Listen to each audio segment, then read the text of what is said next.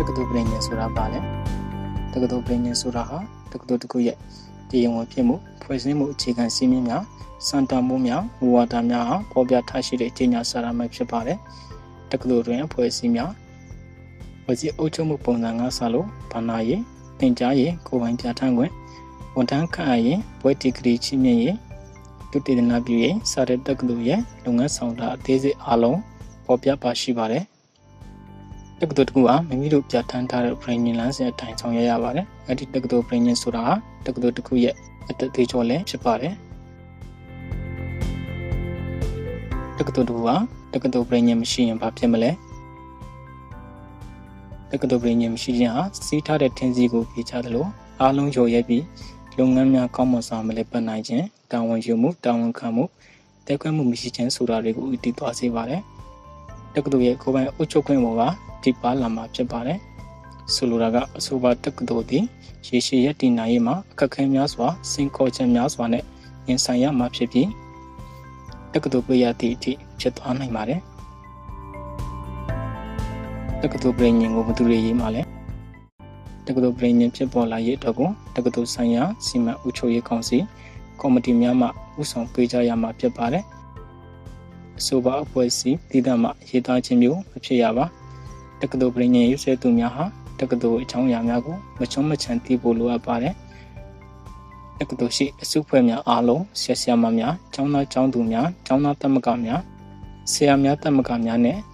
ကျင်ပပညာရှင်များအတူတကွပူးပေါင်းဆောင်ရွက်ရမှာဖြစ်ပါတယ်။ပြည်ညင်မှုချင်းအားတက္ကသိုလ်ကောင်စီမှစတင်၍တင်သွင်းခြင်းမျိုးရှိပါတယ်။သို့သောအားလုံးပါဝင်ကရေးသားကြရမှာဖြစ်တဲ့ တက္ကသိုလ်ပြည်ညင်မှာဘာလို့ပါမလဲ။တက္ကသိုလ်ရဲ့ဖွဲ့စည်းအုပ်ချုပ်ပုံတက္ကသိုလ်သင်ကြားရေးဌာနများမနာရေးရာထူးဆိုင်ရာကိစ္စများတန်းတူညီများရဲ့အားလုံးပါဝင်ရင်တက္ကသိုလ်သင်ရိုးညွှန်တမ်းမှုဝါဒများတက္ကသိုလ်ဝင်ငွေဆိုင်ရာသတ်မှတ်ချက်လမ်းညွှန်ချက်များကဲ့သို့အသေးစိတ်များပါရှိမှာဖြစ်ပါတယ်။သက်ဆိုင်ရာအခန်းကဏ္ဍလိုက်ဖော်ပြရေးဆွဲချရပါတယ်။ထို့သောအခန်းကဏ္ဍလိုက်ရေးဆွဲပါကပုံမရှင်းလင်းသွားစေပါတယ်။ဥပမာအဖြစ် တက္ကသိုလ်တည်ထောင်ခြင်းနဲ့တည်နေရာတက္ကသိုလ်တည်ထောင်ခြင်းနှင့်တည်နေရာတွင်တက္ကသိုလ်တည်ထောင်ပုံတက္ကသိုလ်အမည်တက္ကသိုလ်တည်နေရာတက္ကသိုလ်တရားဝင်ရည်တည်မှုတို့ကိုသူခေါင်းစဉ်နဲ့သူတေချာတိကျစွာရေးရမှာဖြစ်ပါတယ်တက္ကသိုလ်၏ညွှန်မှန်းချက်လုပ်ငန်းတာဝန်နှင့်ရည်ရွယ်ချက်ဤတွင်တက္ကသိုလ်၏ညွှန်မှန်းချက်လုပ်ငန်းတာဝန်များတက္ကသိုလ်ဆောင်ပုံတက္ကသိုလ်တာဝန်နှင့်လုပ်ပိုင်ခွင့်များကိုထည့်သွင်းဖော်ပြရပါတယ်မူဝါဒများစံတန်ဖိုးများအားလည်း ထည့်သွင်းဖော်ပြကြရမှာဖြစ်ပါတယ်တက္ကသိုလ်ဖွဲ့စည်းပုံတက္ကသိုလ်ဖွဲ့စည်းပုံတွင်တင်ကြားရေးဌာနများစီမံခန့်ခွဲရေးဌာနများကိုစုံလင်စွာရေးသားဖော်ပြရပါသည်တက္ကသိုလ်၏တရားဝင်လုပ်ပိုင်ခွင့်ရှိသောအဖွဲ့အစည်းများဤတွင်တက္ကသိုလ်ကောင်စီဖွဲ့စည်းမှုကိုဖော်ပြရပါတယ်ကောင်စီ၏လုပ်ပိုင်ခွင့်များကိုထည့်သွင်းရေးသားရပါတယ် အကြီးအကဲများပညာသင်ကြားရေးနှင့်စီမံခန့်ခွဲရေးဆိုင်ရာဝန်ထမ်းများဤကဏ္ဍတွင်ပါမောက္ခချုပ်တက္ကသိုလ်ကောင်စီဥက္ကဋ္ဌ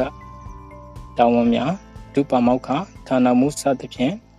ဝန်ထမ်းများ၏ရွေးချယ်တင်မြှောက်မှုနှင့်လုပ်ငန်းတာဝန်များရေးသားဖော်ပြရပါသည်။ပြည်တွင်းပြည်ပတက္ကသိုလ်များနှင့်ပူးပေါင်းဆောင်ရွက်ခြင်းဤတွင်လည်းပြည်တွင်းပြည်ပတက္ကသိုလ်များနှင့်ဆက်နွယ်မှုများပူးတွဲတင်ကြားမှုများကိုရေးသားဖော်ပြရပါသည်။ တက္ကသိုလ်တွင်ဖွဲ့စည်းမှုများ